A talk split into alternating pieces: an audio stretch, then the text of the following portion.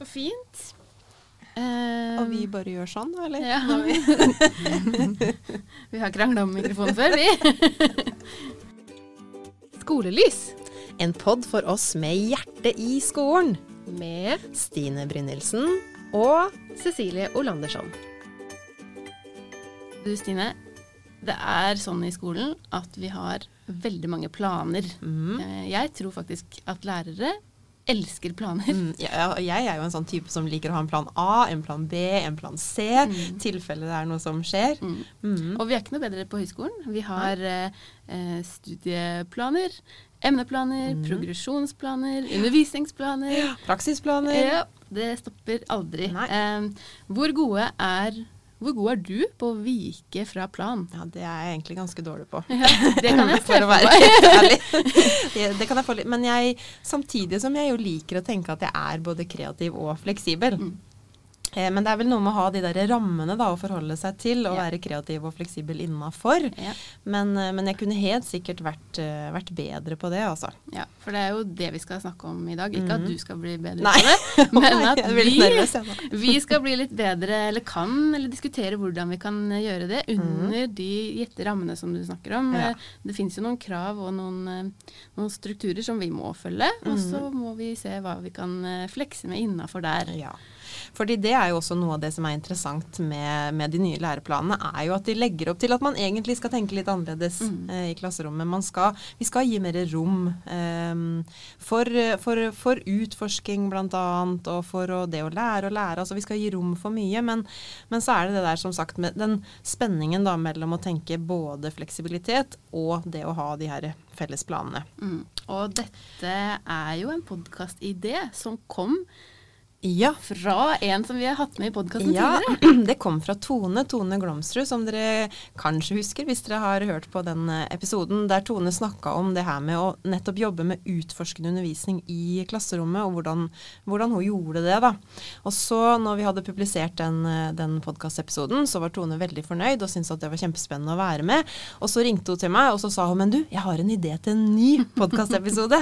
eh, og det handler om eh, å invitere inn skoleledere for å høre hvordan de opplever den der spenninga mellom å måtte oppfylle alle krav og det å legge til rette for at lærerne får den fleksibiliteten. Og da tente vi litt på den ideen. Absolutt, og dette er jo et felt som eh, jeg spesielt syns er veldig Mhm. spennende, men du òg. Ja. Eh, og vi har invitert med oss to skoleledere som vi ikke kjenner så godt eh, fra før, og Nei. som ikke kjenner hverandre. Nei? Vi har med oss Lars Fagerøy, som er rektor ved Rakkestad ungdomsskole. Velkommen, Lars. Takk. Og så har vi også med oss Anne Synnøve Lindkjenn, som er rektor på Rygge ungdomsskole. Velkommen. Tusen takk. Ja. Vil dere starte med å si litt om dere sjøl, kanskje? Jeg blir litt nysgjerrig, jeg, fordi det, det var jo et poeng eh, for oss òg å ha med noen som vi ikke kjente så godt, nettopp for kanskje å få til den her litt åpne samtalen. Men det er jo greit å vite litt hvem, hvem dere er. Og så skal jeg bare si, legge til at vi, vi kjenner dere liksom via skolene deres, Ja. fordi at vi samarbeider både med Rakstad og med Rygge. Mm. Ja. Har du lyst til å starte, Anne Synnøve? Ja. Ja, jeg er eh, rektor på Rygge ungdomsskole. Mhm. Den eh, var ny i 2016. Så det er en skole som er slått sammen av tre ungdomsskoler i det som heter Rygge kommune før, som nå er slått sammen med Moss. Eh, så mm, da er jo det en ganske stor ungdomsskole, eh, i hvert fall i sånn Østfold-målestokk, eh, med 562 elever og ca. 75 ansatte. Det er en åtte til ti-skole med sju klasser per, per trinn. Har, har du vært vært. rektor der lenge? Jeg har vært rektor i eh, tre år, Ja. eh, og så har jeg vært avdelingsleder der siden den åpna. Og det er en skikkelig flott skole, Stine. Det er høyt under taket og luftig og deilig og Ja, fint. det er veldig flott. Lars, hvem er du, da? Nei, jeg er eh, 52 år, jobba lenge i skolen. Jobba som ungdomsskolelærer siden 1995, men også som skoleleder eh, fra 2006 på Rakkestad ungdomsskole, og var rektor fra 2009. Og Rakkestad ungdomsskole er en eh, ungdomsskole med ca. 300 elever. Og der òg veit jeg det skjer, eh, skjer mye i samarbeidet med, med høyskolen nå. bl.a. Eh, et opplegg i engelsk som jeg veit Som jeg har hørt sånn tilfeldig i gangen. eh, Veldig positivt. Mye, mye flott om. Um, vi, hvis vi skal pense litt inn på det temaet vi skal snakke om, Mhm. så skal vi prøve å ta det litt sånn back to basics. Um, dette med planer. Hvordan starter det Er det en start på det arbeidet? På en måte, hvor, hvor starter man hen? Hvilke planer fins? Det blir mange spørsmål vi vet, men, men ja, hvordan starter man med disse planene? Nei, Hos oss har det starta ved at vi har sett på alle kunnskapsmåla i alle fag. Og så har vi gjort en fordeling mellom trinn, slik at vi har lagt kunnskapsmål til ulike trinn. Og så er det jo noen mål da, som er gjennomgående. altså Det er ferdigheter og, og kunnskap og, og, noe man jobber med gjennom tre år. F.eks. Mm. skriving er jo ikke noe man gjør seg ferdig med. Så mange av disse måla går gjennom tre år. Og da er det et rammeverk og ikke noe som er fastlåst. Det betyr at uh, dette er målet at vi skal jobbe med disse måla på dette trinnet. Mm. Men lærerne står fritt til å hente inn mål fra andre trinn uh, hvis de ser at det passer inn, eller det dukker opp i samarbeid med elever, eller at det vi jobber med tar litt annen retning enn det vi har tenkt. Så det er ikke hogd i stein. Mm. Men vi har en grovskisse på hvilke mål vi jobber med, og hvilke som er gjennomgående gjennom tre år. Er det da en plan dere har hatt lenge, eh, og som dere i ledelsen har utforma, eller hvordan har det funka? Det er fagseksjonene. sånn at det har vi jobba med når fagfornyelsen kom. At vi har sett på måla og fordelt dem da i fagseksjoner. Og så har vi diskutert i fellesskap. Og dette er jo noe som man aldri helt blir 100% enig med, eller lander en gang for alle, men at det skjer endringer underveis. da. Men det er i hvert fall et utgangspunkt, og sikrer at elevene er gjennom alle måla i løpet av tre år. Mm.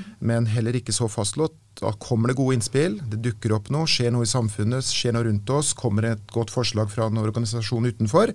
Så kan vi ta inn det, og så kan vi si at det jobber vi med. Mm. Men, men, betyr det da at dere legger opp Det er en årsplan du snakker om da? Det er en treårsplan, ja. det første nivået jeg snakker om nå. Mm. Vi har et nivå under, som vi kaller periodeplaner, men mm. vi har først fordelt måla på de ulike trinna, som en grovskisse. Ja.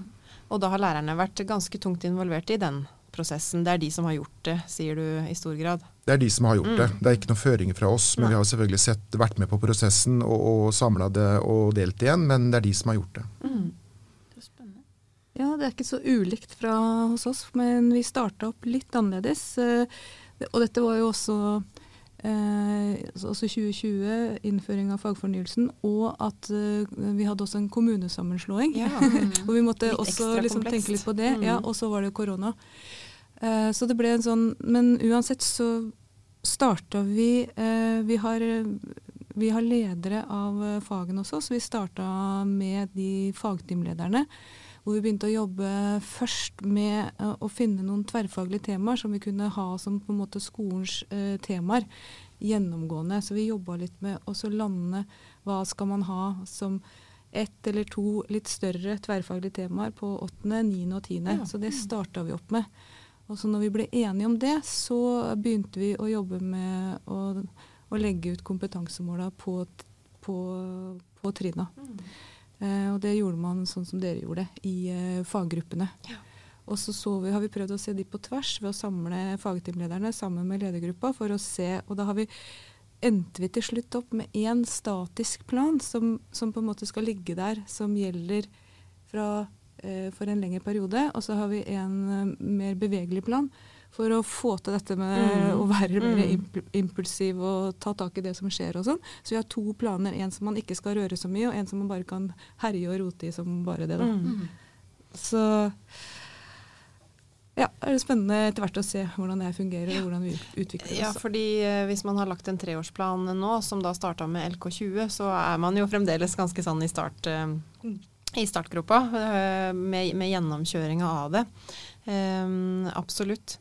Men hvordan, det, hvordan er den foreløpige eh, følelsen av eh, om det funker eller ikke funker? Har dere noen tanker om det? Eller lærerne kanskje har noen tanker om det?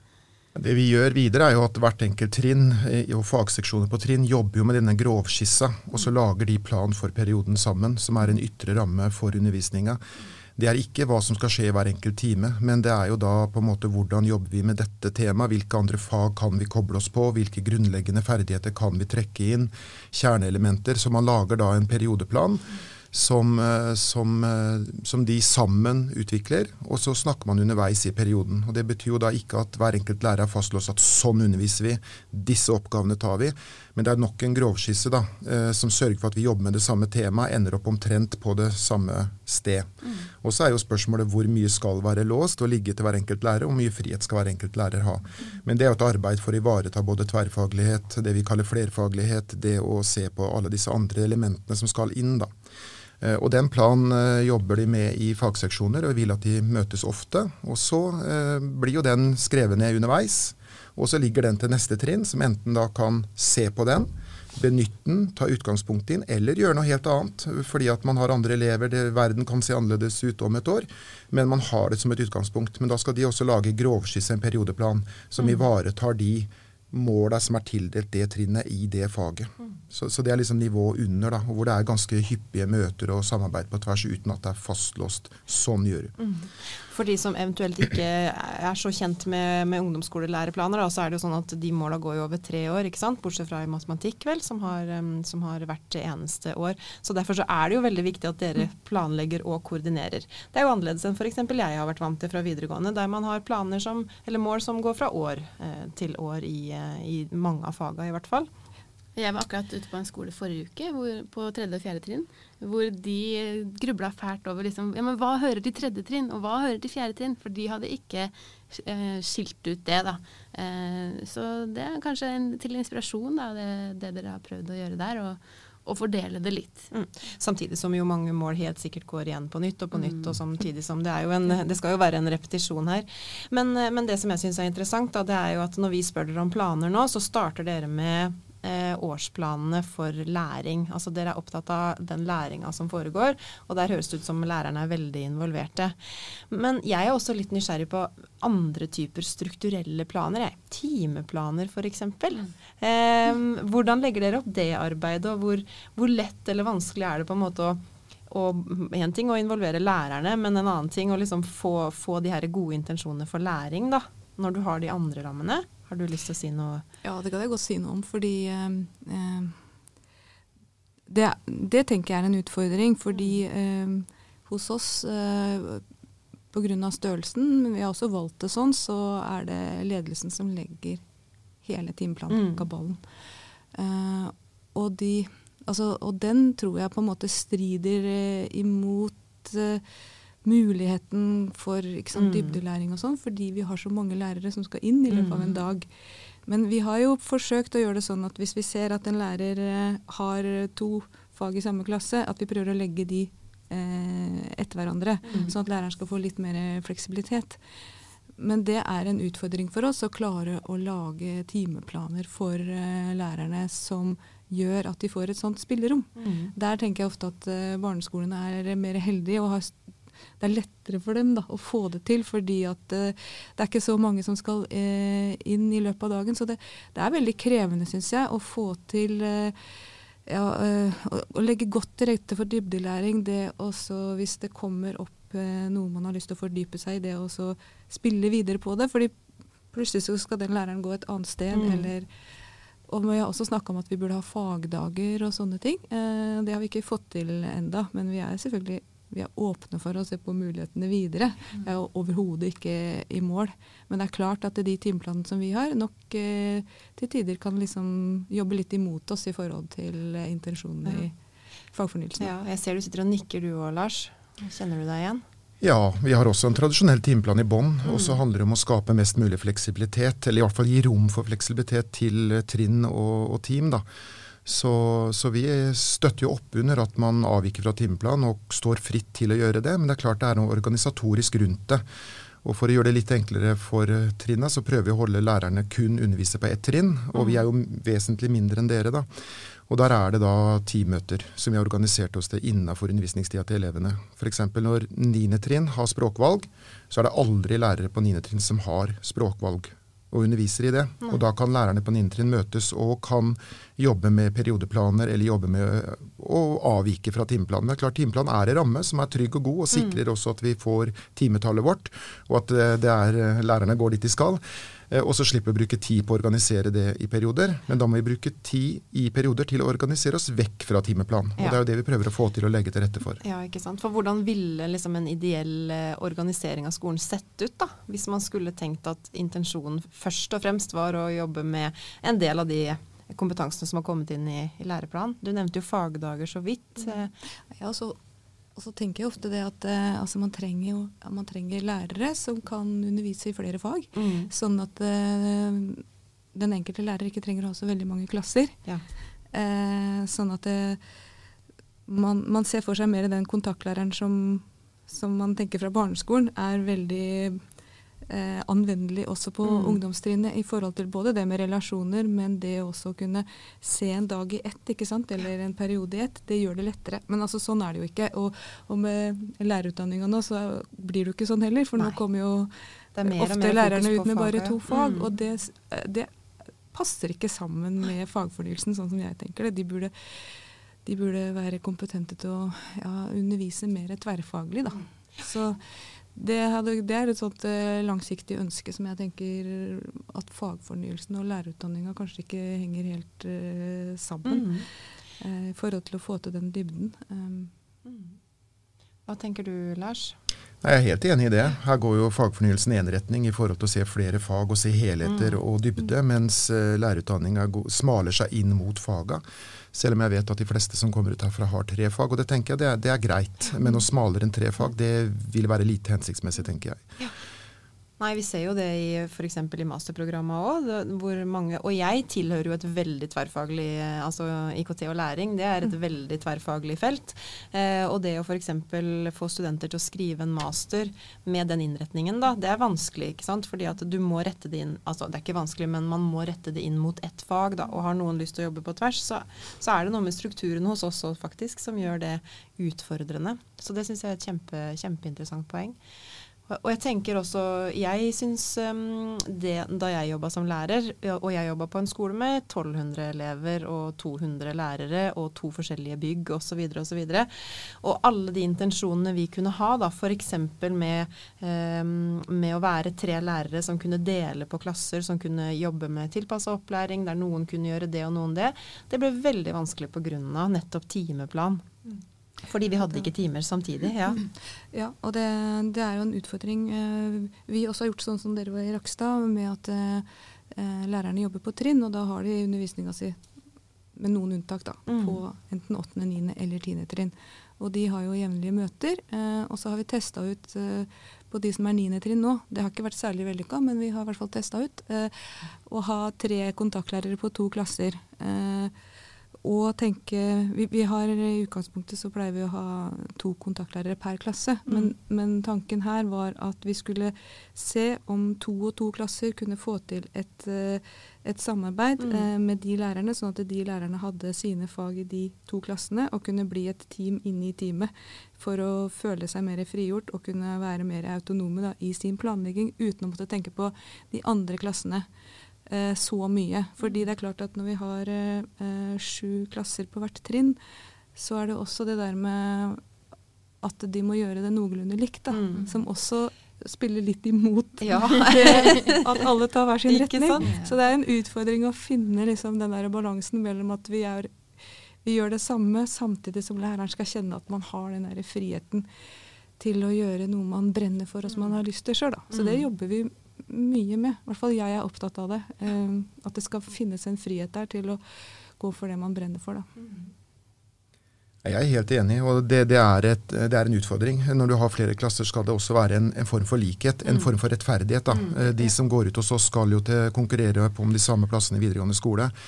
Eh, Så, så de må ha en eh, viss rettferdighet. Eh, Derfor har vi noen grove rammer man skal være innafor, men også opptatt av at lærerne i perioder i timene skal få lov til å både lytte til elevene og ta med det, men også bruke sine styrker, sånn at vi ikke blir veldig rigide. tror jeg vi taper på. Så lærerne må ha en viss frihet.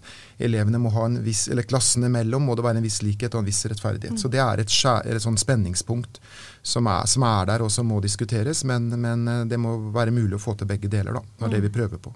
Det har vi jobba mye med hos oss. Siden vi er en ganske ny skole, så så vi jo i starten Vi var ikke så flinke til å drive en så stor skole, for vi kom fra små skoler. og da var vi veldig opptatt av at alle skulle gjøre likt. Blant annet så dro vi alle på ett trinn på sykkeltur samtidig og sykla Ja. 220 elever etter hverandre. sånn har vi slutta med, da. Ja. Det var en fin metafor, faktisk. Så det er det å finne den friheten innenfor de, eh, innenfor de rammene eh, som, er en, eh, som er en utfordring. Men er det noe som eh, Du sier at dere diskuterer det, Lars, i personalet. Er det noe som lærerne er opptatt av, og som dere liksom eh, hører at man prater om, eller, eller opplever du at man liksom bare forholder seg til de rammene, og så er man ferdig med det? Nei, Det er klart det er spenningsforhold fordi lærerne er Mm. forskjellige også. Noen, eh, noen lærere er, eh, har mye rutine, har gjort dette før, har ganske sterke meninger om hvordan det bør gjøres. Og det er klart For dem kan det noen ganger oppleves eh, at dette er litt bortkasta. Dette vet jeg, dette kan jeg, dette kan jeg få til. Mens det sitter andre der som ikke har noe erfaring, kanskje er ny i faget og trenger mye, mye veiledning. For de er jo dette kjempenyttig. Så, så det er jo litt sånn mild tvang at vi skal samarbeide. Det er jo troa på at man sammen kan finne i hvert fall noen praksiser, noen måter å gjøre ting på som er bedre enn andre. Eh, Så det er ikke, skal ikke være full frihet uten å diskutere eller reflektere eller eh, ja, prate om det man gjør, da, sånn at andre kan lytte. og så kanskje man sammen, Målet er at man sammen finner ut hva som er best for elevene. Eh, og så kan det være at man har litt uh, ulikt utgangspunkt. Så det er ikke sånn problemfritt å, å si at dere skal sitte sammen og diskutere undervisning. Nei. Eh, men, eh, men det er viktig å finne noen gode praksiser som alle elevene nyter godt av. Da. Hva, hva tenker du? Ja, altså, hos oss så har vi en sånn skikkelig god delingskultur. Det er kanskje det som er vår, ja, vår beste forse. Mm. Eh, og det var også noe som skjedde i forbindelse med at vi ble en ny skole. Så, så grep alle begjærlig om OneNote. Ja. Eh, og vi hadde jo altså Det var tilrettelagt for gode digitale muligheter i alle klasserom. Så, men, men vi fikk en veldig god kultur på å dele i OneNote, sånn at eh, alle har åpne planer som alle kan bruke, og som man utvikler sammen. Både i fagteam og på, og på trinn. Eh, og den derre kulturen hos oss nå for at man bruker hverandres opplegg og snakker om de og utvikler de, den har blitt veldig god. Og vi har også fått en sånn tradisjon nå eh, i oppstartsdagene at eh, fagene sitter sammen og overfører eh, informasjon. Og på en måte kommer med gode tips som man har gjort, og eh, anbefalinger om å droppe ting som man har gått på en smell på. da. Sånn at eh, den der delingskulturen hos oss, den, den er veldig nyttig og, og kjempebra, tror jeg, for nye som kommer inn. Eh, og en trygghet. Og en motivasjon for de som har vært der lenge og som har mye å, å bidra med. da.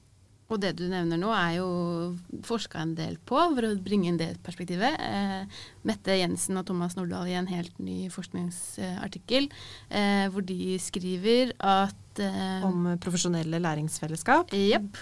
Eh, hvor de sier nettopp det du eh, påpeker, at når man er i dette fellesskapet og, og jobber seg sammen, så påvirker jo det også til dels, sier de da, eh, hvordan de utøver rollen sin i klasserommet, som da påvirker elevenes læring. Så, så det går jo i ett. Eh, og det som, som vi snakka litt om på gangen i stad også, var eh, dette med eh, hvordan få til dette som heter liksom bottom up og ikke top down-styringen. da, den balansen der. Vil du si litt mer om, om det? Ja, ehm, for det er jo alltid en utfordring, og det vet man jo sjøl også. Det man får beskjed om ovenifra, det skjer jo ofte at da har man ikke lyst til å gjøre det. Nei, Helt Det vil man ikke. Eh, Selv for rektorer. Ja, til og med rektorer, altså. Jeg trodde rektorer gjorde alt. Jo, det er sånn. Vi er bare mennesker. ja, det er sånn menneskelig følelse, tror jeg. Eh, og det som man kommer på på en måte sjøl, eller ser behov for, det er jo mye mer motiverende. Sånn at, og, men man kan jo ikke velge bort det ene eller det andre. Eller eh, man kan jo ikke la være å gjøre det selv om man har fått beskjed. Mm. Eh, så for oss så har vi jobba fram en modell som jeg syns har vært veldig vellykka, og det er at vi bruker eh, fagteamlederne våre, da, som vi har i alle fag, til å ehm, være den stemmen som forteller på en måte og korrigerer oss i forhold til at ja, vi kommer med noen føringer. Skoleeier gir oss noen føringer, og vi kommer med noen føringer som man skal mm. jobbe med. Eh, og så korrigerer eh, fagteamlederne eh, oss med å på en måte komme med hva de tenker er det viktigste sett fra dem sted og i klasserommet. Og så må vi prøve å finne en sånn balanse på det med at ja, noe skal vi ha som vi, vi bestemmer, og noe skal det settes av tid til som, som dere på dere er med og bidrar inn på. Og det føler jeg har gjort at eh, samarbeidskulturen hos oss, også ledelse eh, og lærere, eh, er god. Eh, og der er det også kjempeviktig med medbestemmelse, og med klubbene også. Mm, at de også får en stemme inn også i den faglige utviklinga. Så det er det å altså liksom balansere det der, Mm. som jeg tenker er, eh, utfordrende, men superviktig Mm. hvis vi skal komme videre. Hvordan fungerer det på skoleeier-rektor-nivå? Får dere lov å bestemme, eller er det skoleeier som bestemmer alt? Nei, Rakstad er liten kommune. Vi har tett dialog, så det er i samarbeid. Det er også et profesjonsfellesskap hvor rektorene møter sammen med skolesjef, og jeg syns vi diskuterer eh, skole på en god måte. Det er lett når du har fire skoler. Ja. Jeg, eh, jeg har jo gått på en smell der innimellom, fordi um, når Rygge var egen kommune, så um, var jo vi vant til å Da var vi i en ungdomsskole Ja. og vant til å bestemme egentlig hva vi skulle gjøre. Ja. Og så ble vi jo slått sammen, og da er vi jo da én av fem ungdomsskoler. Eh, det tok litt tid å venne seg til eh, Mm. at, eh, at vi ikke bare kunne bestemme. Mm. Eh, og, men eh, nå går det veldig fint, og jeg opplever at eh, skoleavdelingen i Moss er veldig, veldig støttende og veldig faglig frampå. Mm. Og pusher oss egentlig, da. Eh, og det er jo veldig bra. Eh, men vi utfordres jo på å ta modige skritt. Nå skal vi jo bl.a. være leksefri. Ja. Det blir spennende. Ja, det er Mhm. spennende. Eh, men også så har vi jo jobba disse åra i ny kommune med et prosjekt som heter SIM, Sammen for et inkluderende eh, læringsmiljø. Hvor man har hatt mest fokus på den overordna delen i eh, fagfornyelsen, og jobba veldig mye med det. Et inkluderende klasserom. Eh, sånn at eh, det har vært veldig gode temaer som det ikke har vært noe vanskelig for, en, for meg da, å, å ta videre. Men det er alltid en utfordring allikevel, også overfor lærerne, når det, når det kommer ovenifra, Mhm. og å få det til å bli et, at de skal få et eierforhold til det. Så det jobber vi med hele tida, egentlig. Det er eh, mye av det vi har snakka om nå, som eh, en eh, kompetent mann på Universitetet i Oslo har snakket en del om og skrevet en, en tekst om. Bjørn Bolstad heter han. Han lurer på er det viktigere at skoler og lærere oppfyller formelle krav og forventninger enn at elevene virkelig lærer noe. Og det er jo det vi har snakket om med, med timeplaner og det spennet som man står i der. Og så kommenterer han også er at virkeligheten kanskje deles opp i skolefag, litt sånn som vi var inne på med, med fagdager. Stine, du og jeg har jobbet på forskjellige tidspunkt på en Mm. skole som er eh, videregående skole, som har delt opp eh, i fagdager. Mm. Eh, hvordan opplevde du det? Nei, eh, jeg, jeg syns Ja, hva skal jeg si? Jeg kjente meg igjen i det som dere har snakka om nå i forhold til å være en uerfaren lærer. Jeg starta der i 2006, eh, som kom inn i en helt ny skole. Som det ikke var etablert noen skolekultur. Så, og det var lærere med veldig forskjellige erfaringer. Og vi jobba tett sammen i team eh, om fagdager. Da. Så vi var tre norsklærere f.eks. som skulle planlegge en hel dag med tre klasser der vi hadde et felles rom og vi kunne dele og eh, tilpasse som vi ville. Og for meg så var det sånn honeymoon years. Eh, som, det, altså, det var en drømmeoppstart som ny lærer, nettopp fordi at du kom inn i et ikke ferdig etablert eh, profesjonsfellesskap, men samtidig et veldig sånn variert. Og du fikk lov å være med og mene noe og bestemme. Eh, med, det var jo veldig spennende selvfølgelig å være med å utvikle en ny skole. Så det kjenner jeg litt igjen i det du sier eh, i forhold til, til Rygge òg. Um, så, så det er klart at den strukturen der, den tillot jo at man kunne gjøre ganske mye innafor de rammene da, som, som man var i. Men så var det jo utfordringer der. For hva hvis eleven da var borte Mm. den dagen? Eller læreren. Eller læreren var borte den dagen. Ja, da gikk det en uke til du hadde norsk igjen. ikke sant? For da er det jo også de her rammene da med timetelling og med noen som skal komme og sjekke at du leverer faktisk eh, de, de timene og det faglige innholdet som, som man skal gjøre. Så jeg syns at det som jeg hører her, på en måte, er jo at, eh, og det vet vi jo, at det er en reell spenning som man hele tida må jobbe med. Men det jeg hører også dere sier, er at eh, det som er viktig, er å ha det der profesjonsfellesskapet på alle nivå. Altså fra eh, skoleeier, skoleleder, skoleleder, lærere, lærere imellom, eh, og sikkert kanskje litt på kryss og tvers der òg, og ned da til elevene. For det er jo det vi jobber for, er jo elevene, og at elevenes læring skal bli, bli det beste. Men det er også interessant, som jeg tror det var du var inne på, Lars, eller om det var deg, Anne Synnøve, nå husker jeg ikke helt, men det, det, det hører jeg når jeg hører på episoden igjen. Eh, men som var inne i det her at man liksom trekker i veldig forskjellige retninger. Da. Det strukturelle trekker i én retning, og så er det intensjonen i læreplanen som trekker i en veldig annen retning. Mm. Hvordan, eh, hva er veien videre, på en måte? Når, eh, når dere har satt i gang et, eh, en prosess på begge skoler, eh, som startet i 2020, eller kanskje litt før, eh, og snart har det gått tre år. Eh, hva, hva skjer da?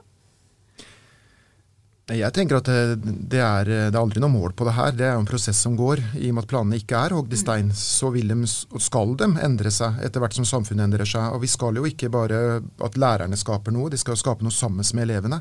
Så når vi snakker om uh, bottom up, så skal vi jo enda dypere enn lærerne. Vi skal jo egentlig også ha med elevene inn i det her. Og det er en utfordring som vi må utvikle oss på og bli enda bedre til. Slik at vi har et rammeverk og en struktur og et mål, men vi skal også ha med elevene helt fra bånn. Og da er det jo enda vanskeligere å tenke likhet, ikke sant? Fordi det er jo enda en stemme inn i det. Men den skal være med. Så det tenker jeg er, eh, det, det, Disse planene er ikke ferdig, men vi skal fortsette å utvikle planer sammen. og Så lenge vi gjør det på et nivå der lærerne på ett trinn og i ett fag gjør det, så, så, lytter vi til dem. Og så må de bli enda bedre til å få med elevene inn. Og så skal de ivareta alle disse prinsippene i den overordna delen. Sørge for læring osv. Så, videre. så det er jo en utfordring, men mm. det er morsomt. Ja. En ting som jeg, som jeg tror eller ellers om Rakstad ungdomsskole, er jo at dere er ganske gode på entreprenørskap. Eh, I hvert fall Tone, som vi har nevnt opptil flere ganger nå, eh, har jo jobba mye med den type metodikk. Kan det være noe, eh, et tips for andre, eller kan du si litt om hvordan dere jobber med det? Nei, det, Vi også jobber jo med å tenke den, den, de, de prinsippene inn i vanlig undervisning, mm. slik at entreprenørskap ikke blir noe som bare brukes i en periode, i en uh, spesiell periode av skoletida. Sånn at man har mer utforskende undervisning inn i andre fag. Det må jo også vi bli bedre på, selv om vi jobber mye med entreprenørskap. Mm. Så den tankegangen, eh, den måten å tenke undervisning på. Det er jo ikke noe motsetningsforhold mellom å ha eh, et mål med elevene, en periode hvor man har, eh, vet hva man skal jobbe med og hvor man skal hen, men jobbe utforskende innafor den perioden og trekke det sammen for elevene og sammen med elevene mm. i slutten av perioden og sikre at vi sitter igjen med de ferdighetene, kunnskapene og læringa vi trenger. da. Mm. Vi holder på med det sammen med Ungt Entreprenørskap. Det er vel sånn jeg egentlig har hørt om Rakstad. Mm. Eh, eh, og vi har, vi har, særlig et stort prosjekt på, på 9. trinn. Og der ser du at den tanken rundt eh, det prosjektet med, med elevbedrift er jo et ekte prosjekt. Mm. Det er ikke noe flerfagligheter sånn, der er det et ekte prosjekt. Og, og, det er veldig fint å, å, jobbe med det og ha lært om det på en måte gjennom Ungt Entreprenørskap. Det er også veldig krevende. Og det er krevende å få det til å lykkes. Så jeg tenker òg at eh, man kan ikke jobbe på den måten hele tida, liksom. Men man må jobbe med det i, i bolker og innimellom. Eh, men, men, det er en sånn eh, veldig god læring og et utrolig bra samarbeid. Eh, vi har som sånn eh, ut, utviklingsmål i år å, bli bedre på det med elevmedvirkning. Mm. Jeg syns sjøl jeg er ganske gode på det med elevråd og føler at de lyttes veldig til og er med på en måte å utvikle skolen. Men men eleven i klasserommet mm. kjenner jo ikke så mye på det. I hvert fall ikke hvis den elevrådsrepresentanten som er i den klassen, ikke helt eh, får med seg klassen. da. Så det å få elevmedvirkning på et eh, dypere nivå, eh, hvor de føler at de er med, der har vi eh, mye å gå på. Ja. Eh, og det ønsker vi å jobbe med. Så vi skal i høst prøve å få til en eh, elevkonferanse på skolen hvor vi skal snakke om undervisning og trivsel. Hvor vi skal prøve liksom å få det fra klasserommet og inn til elevrådet. da. Kjempespennende. Mm. Der, det, der har, kom jeg nettopp nå på en, en, veldig interessant episode i en annen skolepodkast som heter Et bedre Skole-Norge. Som handler om um, hvordan Akademiet, tror jeg, som er en av de skolene som har vunnet, det er tydeligvis en sånn elevmedvirkningspris eller noe i den duren. Um, den kan vi gjerne lenke til i vår, vår episode, der de mm. forteller hvordan de har jobba med elevene på videregående nivå da, for å inkludere dem i denne prosessen med innføring av nye læreplaner bl.a. Så det høres kjempespennende ut. Mm. Elevmedvirkning kunne jo vært, et, vært en, et, et, eget tema selvfølgelig i, i podkasten, men en annen ting jeg tenker på òg, apropos strukturelle rammer, det er jo også klasserommet. Fordi nå har vi jo snakka litt om metodikk, ikke sant? entreprenørskap og det å jobbe utforskende osv. Snakka litt om timeplanene som legger noen begrensninger. Um, en annen ting som vi kanskje kan nevne sånn eh, litt på tampen, er jo det her med klasserommet, som jo også er en ramme som setter noen veldig bestemte føringer da, for hvordan uh, undervisning skal foregå. Um, jeg, jeg skal nå, vi skal nå i gang med et samarbeid med Glemmen videregående bl.a. fordi Vi har et stort digitalt læringsverksted med masse utstyr oppe på, i gangen her på Remmen. Eh, der vi har prøvd å utforme rommet litt sånn stasjonsbasert. og det er Tanken er at man skal kunne gå litt rundt uh. Og, så videre, og jobbe da med ulike utforskende aktiviteter.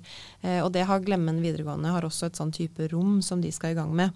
Og da skal vi sammen prøve å lære oss en, en ny metodikk eh, som kalles for double diamond, har, har jeg hørt, men som jeg ikke, ikke kjenner til. Men som handler om det her med å jobbe med problembasert og utforskende da, i et klasserom som er litt annerledes.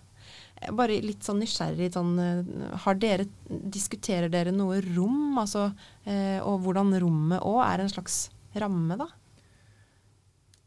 Altså, Vi har jo de rammene vi har, vi har de rommene vi har, og mm. de kommer til å stå sånn i 20-30 år til. Ja. Så for oss handler det om å, å skape den undervisninga vi vil i de rommene vi har tilgjengelig, og være kreative. Så det handler litt hvor du starter den i prosessen også. Mm.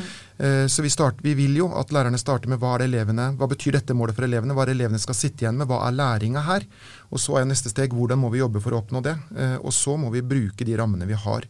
Så, så jeg vet at romma brukes veldig forskjellig, og vi er heldige vi har god plass. Eh, vi har litt færre klasser enn vi vanligvis har hatt, sånn at vi har god plass. Og så må vi få gjort det vi ønsker å gjøre for å nå de måla vi har, innenfor de rammene vi har. Vi har ikke hatt noen spesifikke diskusjoner om dette ennå. Vi har mange andre gode diskusjoner, men, mm, mm. men, vi vet at rommet er som de er. Men hvordan kan vi bruke dem?